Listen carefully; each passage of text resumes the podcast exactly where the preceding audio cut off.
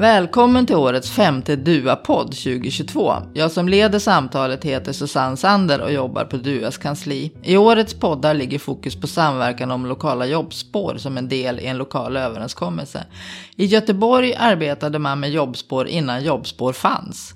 Idag ska jag fråga Anders Johansson, utbildningsstrateg på arbetsmarknad och vuxenutbildning i Göteborgs stad, om erfarenheterna från Göteborg. Välkommen Anders! Tack så mycket Susanne! Ja, som jag sa, ni, ni jobbar med jobbspår innan jobbspår fanns. Hur, hur började det i Göteborg? Ja, det, det, är ju egentligen en himla lång resa om man nu ska vara riktigt ärlig igen. Eh, det är som du sa igen, eh, vi visste inte om att det fanns förrän faktiskt du och Lill var nere en gång. Ni skulle titta på våra talanger, för det var ju så vi började i Göteborg med talangerna. Eh, där vi tog folk som gick på SFI och så kopplade vi på vårt verksamhetsförlagd lärande. Och så gjorde vi någon kombo ihop med både vår, framförallt inom eh, restaurang och inom hotell. Som sökte mycket folk då i början av 2010-talet. Det gjorde igen att vi fick ut ganska många människor som fick sitt första riktiga jobb genom att de fick sina första jobb på hotell. Men det vi lärde oss ganska tidigt, det var igen att de som hade med sig en, den formen av utbildning från sina hemländer, de fick fäste. Men vi fick också väldigt många människor som behövde yrkesväxla. Och de fick inte riktigt fäste för de hade inte den grundplattformen som gjorde att de kunde eh, klara av det på så kort tid. Och då började vi fundera på, ja, det var egentligen många funderingar, för vi kommer ihåg, vad hände 2015 Susanne? Ja, en stor flyktingström hände. Exakt. Eh, Göteborg fick ju paniken. Om man nu ska vara riktigt ärlig i det läget. Fick ju alla städer. Vad gör vi i det här läget igen? Hur ska vi ta hand om alla de här människorna? Så att i ett första läge handlar det ju väldigt mycket om att vi genom vårt då eh, jämlikt Göteborg började titta ihop med våra bostadsbolag och framförallt Ulf och Bosse då satt och funderade för Ulf kommer ju från socialtjänsten och Bosse kommer ju då ifrån eh, framtiden som är vårat eh, eh, bostadsbolag. Hur ska vi hjälpa alla dessa människor? Hur ska vi få dem att kunna komma i snabb försörjning? Hur kan vi se till att fler inte efter två år på etableringen kommer till våran eh, vet det, socialtjänst. Så det var ju liksom ett grundtema vi började titta på. Eh, och då började vi fundera på hur kan vi använda allting som vi har gjort under åren? Hur kan vi samverka runt den här frågan?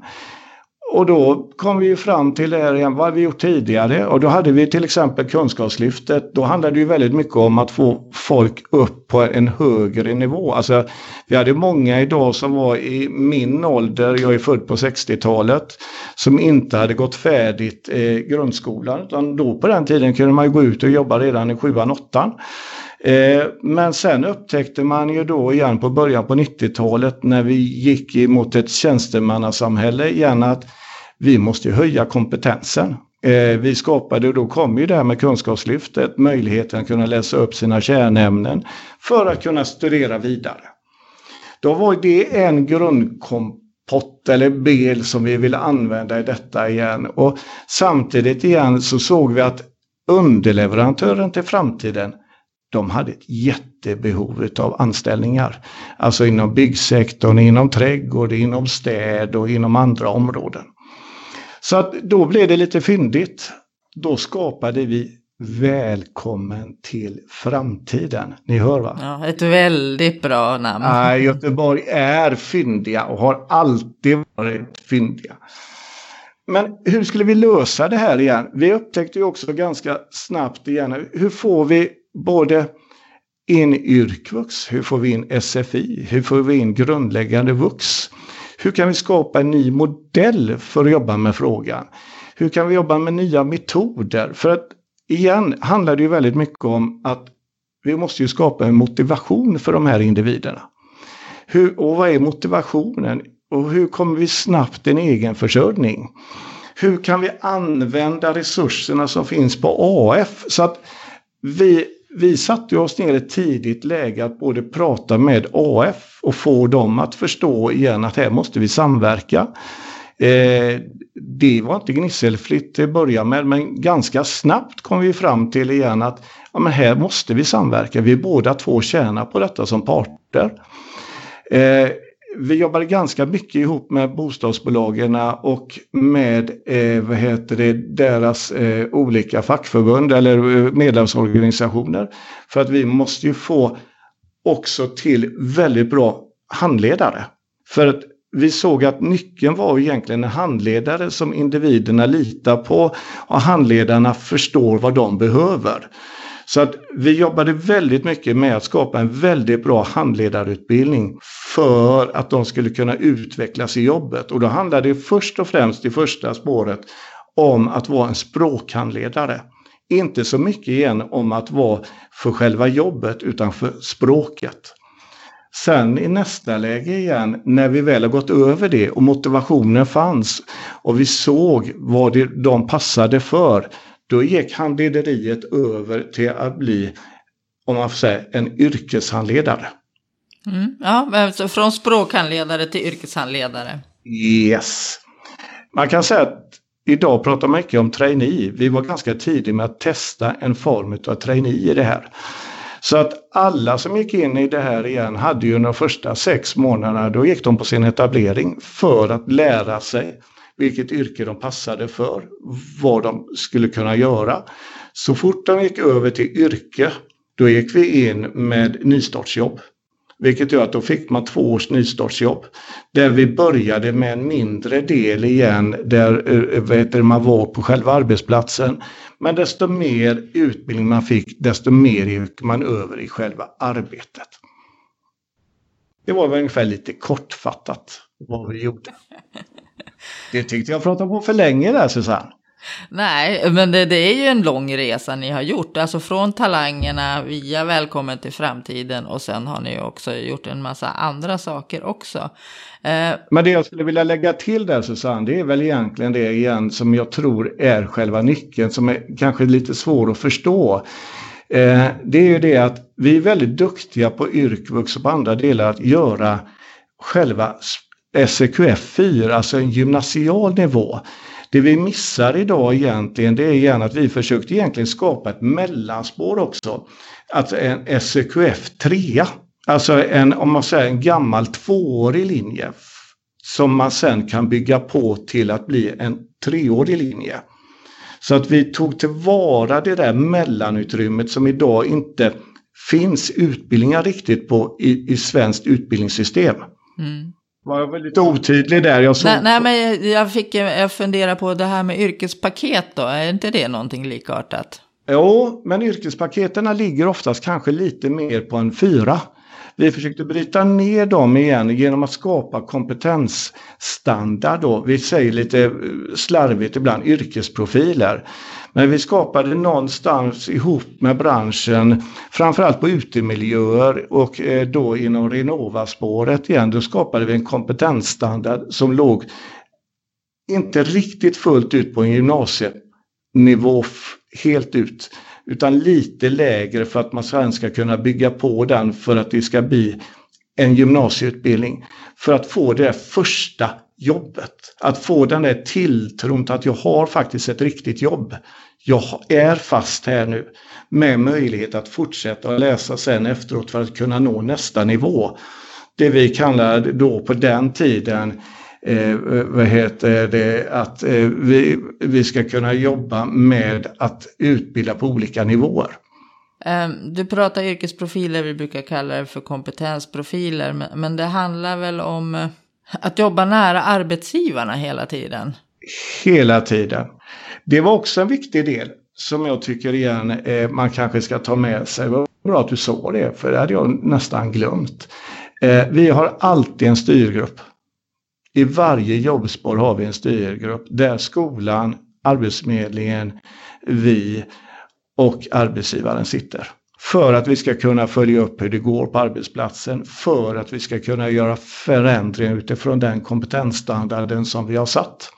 Det gör ju då igen att vi kommer ganska snabbt, vi kan vara ganska snabbfotade genom att vi kan använda både Arbetsförmedlingens resurser och stadens resurser.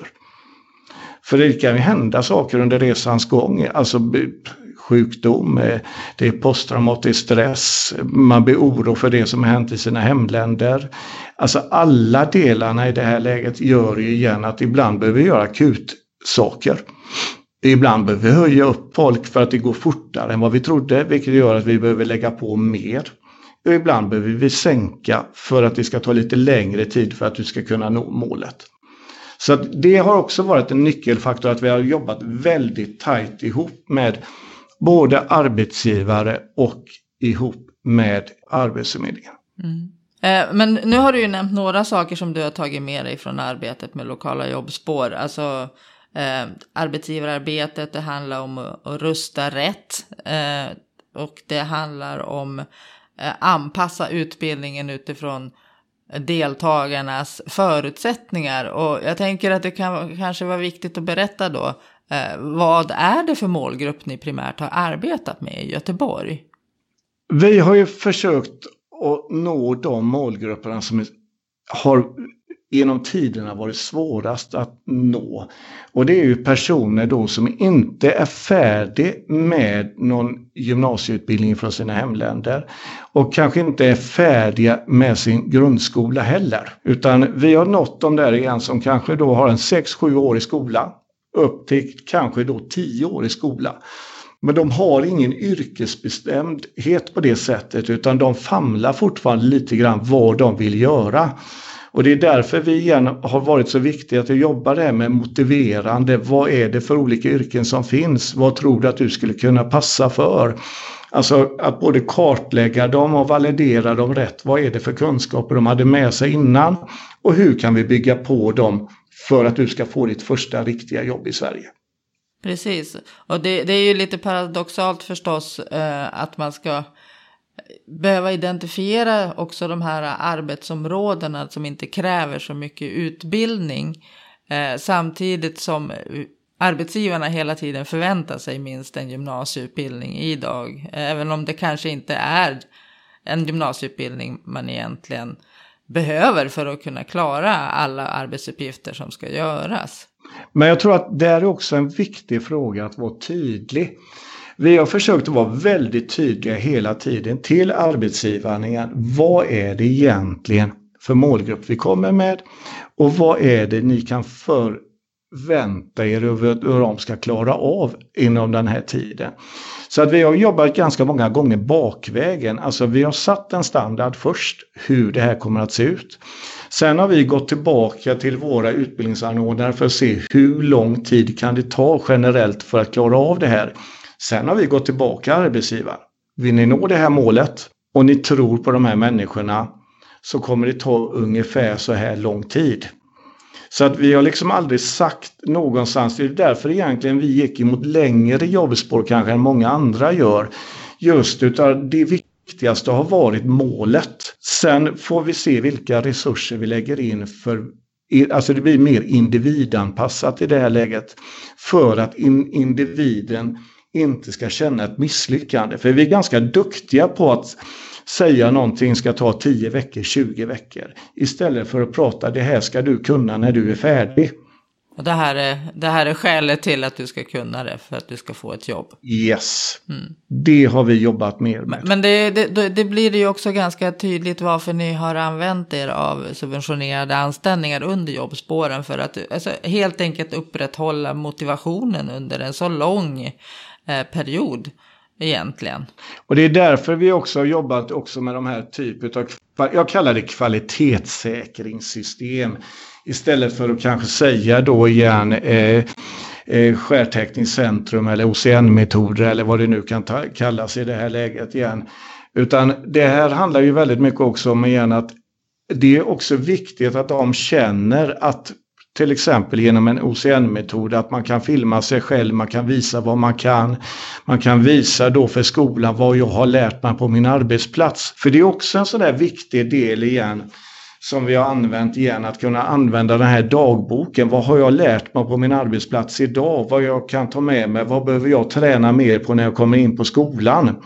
Det blir också en sån här viktig, eller viktig, kanske nu använder det för mycket där igen, men både att arbetsgivaren och skolan också kan se på två håll hur människan förflyttar sig framåt. Och att man kan då hjälpa till i det här läget igen, som jag sa innan. Höja ibland, sänka tempot ibland för att individen ska kunna nå målet på den utsatta tiden.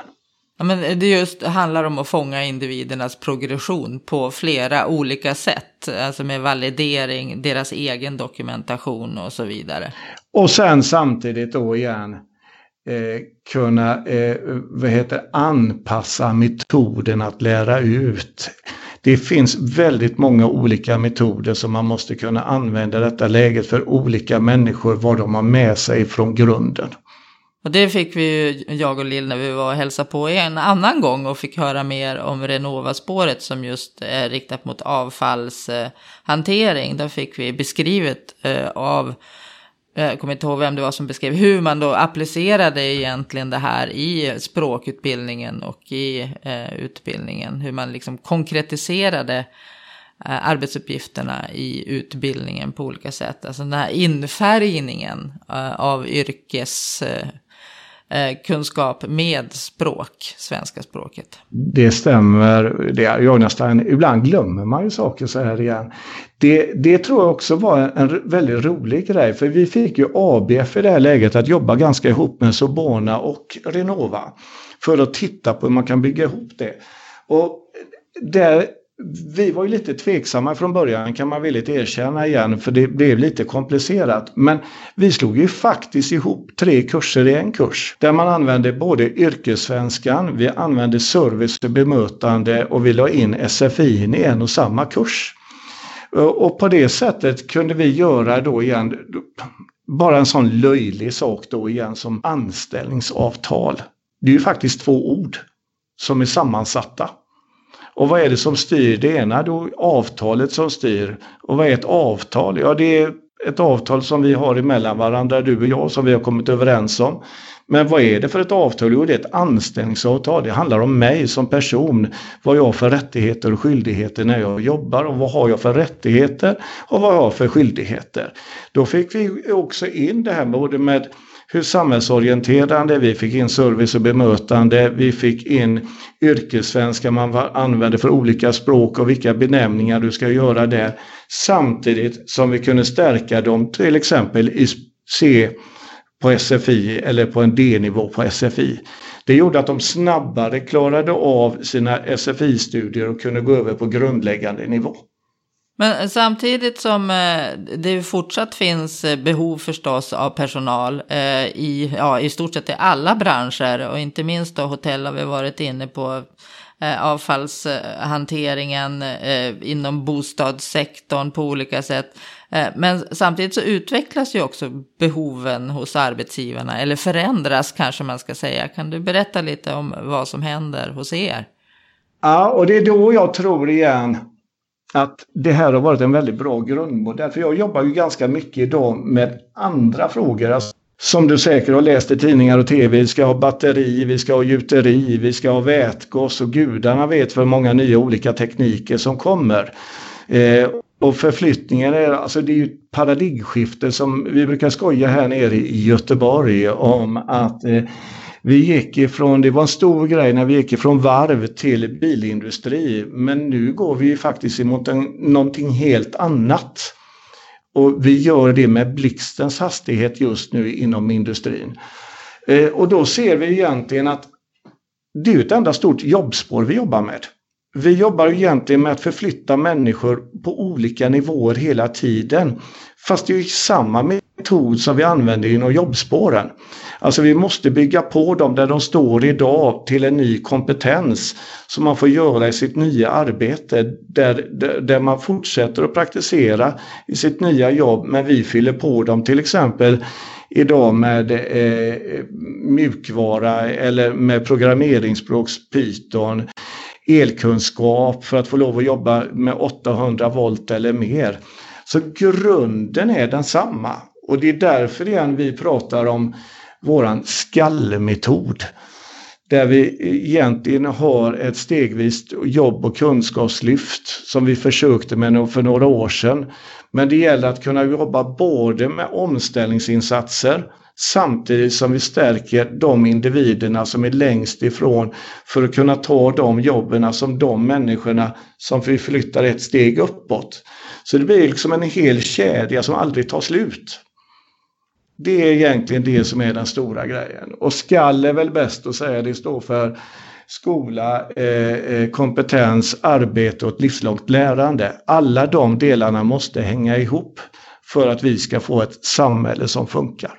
Precis. Eh, som du nämnde, du, du, arbetar ju idag med andra frågor och jag antar att det då är de här frågorna du arbetar med idag. Yes, och det handlar egentligen om att vi måste ju säkerställa alltså för våra individer som finns i staden så vi kan behålla de jobben som finns här i närområdet. Vi måste ha en fungerande besöksnäring, vi måste ha en fungerande handel. Men metoden är egentligen densamma. Vi måste få folk i våra ytterområden idag att få jobb. Vi har idag väldigt många utsatta områden. De måste få en tro, de måste få en motivation, eh, ett hopp på att det finns jobb och en möjlighet till en säker försörjning i Göteborg. Det var ju nästan som klippt och skuren som avslutsreplik det där, Anders. Det är ju faktiskt eh, första gången jag spelar in en podd. Och då kommer jag att tänka på, har du hört talas om det där om skjortan? om skjortan? Nej. Nej. Men nu har jag gjort det, så då kan jag stryka den. Nej, den var för dålig. Den var för dålig Susanne. Ja, men det är bra. Du, du är en sann representant för din del av landet, Anders Johansson. Ja. Fantastiskt roligt att få vara med. Även om detta blir kort och det är svårt på så här liten tid att berätta om allt. Men jag tror någonstans att vi har fått fram i alla fall huvudingredienserna. Hur jag har tänkt i Göteborg. Om nu någon vill komma i kontakt med dig, är det okej okay att göra det då? Alltid okej okay att komma i kontakt. Och sen får jag ju tacka också med er med Duva. Det har varit fantastiskt roligt att få lov att jobba. Ni har betytt otroligt mycket för oss för att få till de här delarna. För att det har inte varit alltid smärtfritt. Utan att vi har fått vara med och fått ta del av många andra delar av Sverige. Ja, men det har varit jätteroligt också för oss och jag hoppas att vi ska ha lika kul eh, hela det här året också som ju blir Duas sista år. Så tusen tack Anders för att du ställde upp. Ja, tack. Och tack alla lyssnare. Vi hörs igen om två veckor. Då träffar vi Simon Dahlgren, verksamhetschef för vuxenutbildningen i Skellefteå. Du har lyssnat på DUA-podden med Anders Johansson, inspelad den 25 april 2022. Intervjuade gjorde Susanne Sander. Podden ges ut av Delegationen för unga och nyanlända till arbete och klipps av Emil Wiklund. Du kan höra fler avsnitt av podden på vår webbsida, www.dua.se eller i valfri podcastapp.